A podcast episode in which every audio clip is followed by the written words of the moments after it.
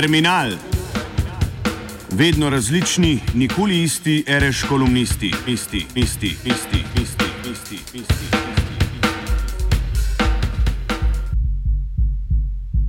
O bankah v posanacijskem obdobju.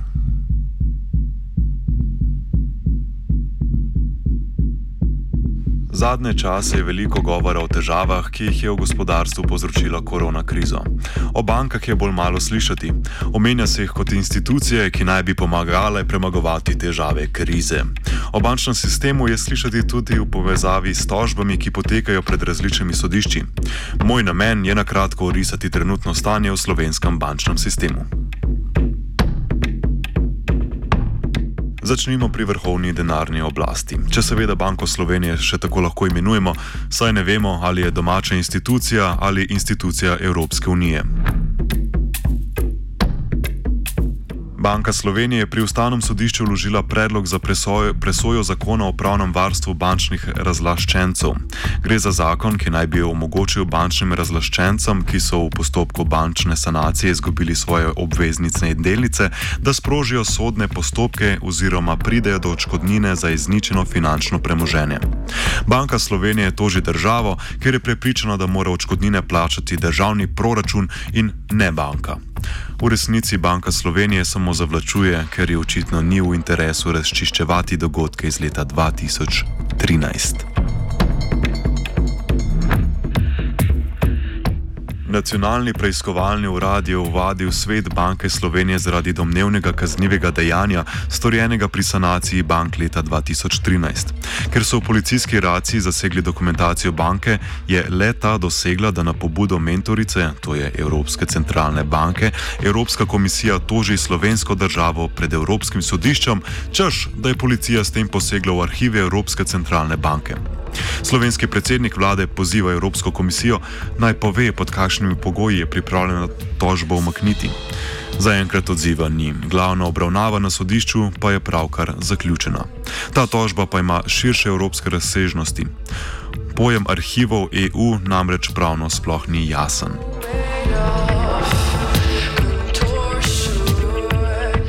V zvezi s sanacijo bank po mnogih prerekanjih in nasprotovanjih vendarle poteka tudi revizija slovenskega računskega sodišča, ki naj bi podal neodvisno končno mnenje, ali je sanacija bank potekala tako, kot je treba in je, in je bilo 5 milijard proračunskega denarja res potrebno vložiti v tri takrat največje slovenske banke. Še vedno namreč obstajajo utemeljeni dvomi, da je bil obseg dokapitalizacije največjih slovenskih bank prevelik.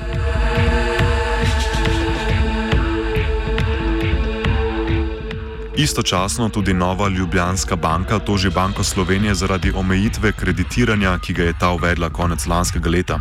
Po večletni potrošniški zadržanosti med in po finančni krizi se je namreč začelo hitro povečevati kreditiranje gospodinstvom. Boječ se, da se ponovi prekomerno zadolževanje, tokrat prebivalstva, tako kot se je s podjetji zgodilo pred krizo leta 2008, je Banka Slovenije potegnila ročno zavoro, kar seveda bankam ni bilo pogodu, saj se je s tem zmanjšal obseg njihove dobičkonosne dejavnosti. Dogodki povezani s sanacijo bank še do, bodo še dolgo aktualni in številni državni uradniki in odvetniki bodo imeli še kar nekaj dela, preden bodo sodišča povedala, kdo ima prav. Slabi banki se bo izteklo življenje še pred razpletom sanacijske sage in vse paskarije, ki so, te, ki so se tam dogajale v zvezi z bančno sanacijo, bodo verjetno hitro pozabljene. Bančni razlaščenci pa bodo morali še nekaj časa čakati, da bodo lahko uveljavili svojo odškodnino če sploh. Kakšno pa je stanje v bančnem sektorju po sanaciji? Trenutno deluje pri nas, pri nas 12 bank, tri hranilnice in ena podružnica tuje banke. Štiri največje banke odtehtajo dobri dve tretjini vsega bančništva v Sloveniji. Leta 2010, pred sanacijo bank, je bila država lastnica petine bančnega sektorja. Tujci so imeli v lasti nekaj manj kot dve petini, nekaj več kot dve petini pa so imeli drugi domači subjekti. Takoj po sanaciji bank leta 2013 se je delež državnega kapitala povečal na skoraj 60 odstotkov.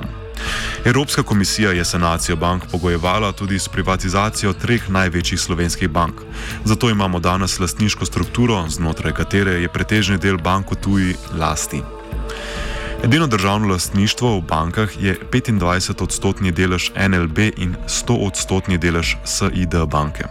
Tudi domače zasebno lastništvo je prisotno le v nekaterih manjših slovenskih bankah in hranilnicah, ki imajo skupaj dobro desetino tržnega deleža.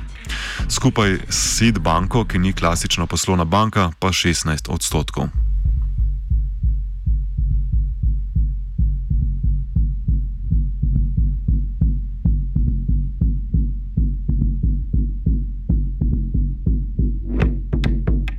Bančna mreža se krči. Po letu 2013 se je število bančnih poslovalnic zmanjšalo za skoraj 20 odstotkov. Konec leta 2013 je bilo v Sloveniji v bančni mreži skupno 607 enot, konec leta 2019 pa 487. V istem obdobju se je za 140 zmanjšalo tudi število bankomatov, tako da jih je bilo konec lanskega leta še 1550. Opisano krčanje bančne mreže je marsikaj sprožilo tudi proteste prebivalcev. Naglo se povečuje število uporabnikov spletne in mobilne banke. Posledica opisanih procesov in prestrukturiranja danes privatiziranih največjih treh bank je tudi zmanjševanje števila zaposlenih v bančnem sektorju. Od predkriznega leta 2008 do konca lanskega leta se je njihovo število zmanjšalo za 24 odstotkov, od sanacije bančnega sistema pa za 16 odstotkov.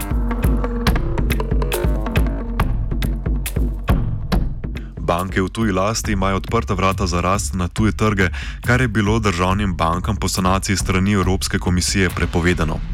Naša sanacija bank je potekala ob upoštevanju strogih pravil državnih pomoči, ki so se jim številne druge države pravočasno izognile.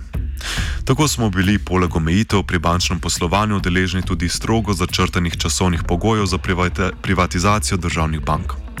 Zato smo bili prisiljeni v prodajo državnih deležev v izjemo ne, neugodnem času, ko na finančnih trgih ni bilo mogoče dobiti neprimernega strateškega investitorja, ne realizirati primerne kupnine. Še vedno ostaja neodgovorjeno vprašanje, zakaj državno dokapitalizacijo državne banke razumeti kot državno pomoč, če je dolžnost lastnika, da banko rešuje pred nelikvidnostjo ali stečajem. In zakaj nekaj mesecev pred našo sanacijo ta ista dejanja niso veljala za državno pomoč.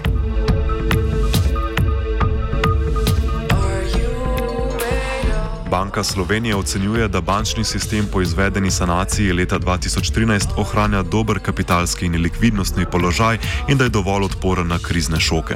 Kapitalska ustreznosti presega poprečje evroobmočja, posebno močno presegajo evropsko poprečje glede količnega lastniškega kapitala. Pomembne velike banke še posebej odstopajo na vzgor. Dodatni kazalnik robustnosti bančnega sistema je tudi delež kapitala v bilančni vsoti, ki, prav tako, ki prav tako močno presega povprečje držav EU. To pomeni, da bodo zlasti večje banke brez problemov lahko pokrivale morebitne izgube, ki bi bile posledica nove krize, tudi korona krize. Pa vendar se ob tem ponovno postavlja vprašanje, ali ni bila sanacijska dokapitalizacija morda vendarle preveč izdatna.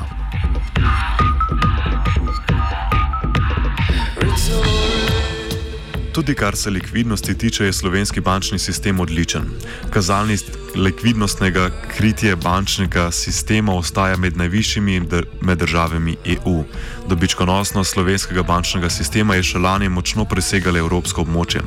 V letošnjem letu se je že znižala in v prvi tretjini leta so banke dosegle manj kot polovico primerljivega lanskega dobička.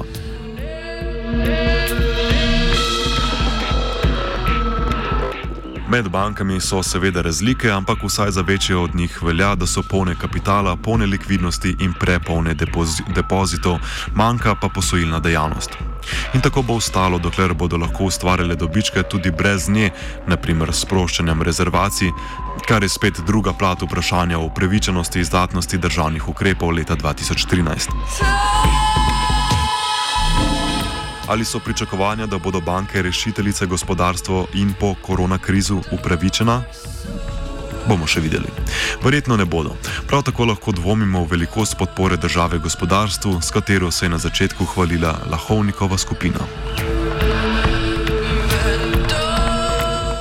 terminal pripravila Helena Kamnar.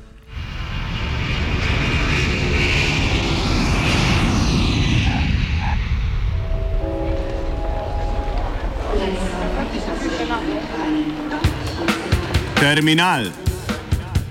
Vedno različni, nikoli isti, reš kolumnisti, isti, isti, isti, isti, isti, isti. isti.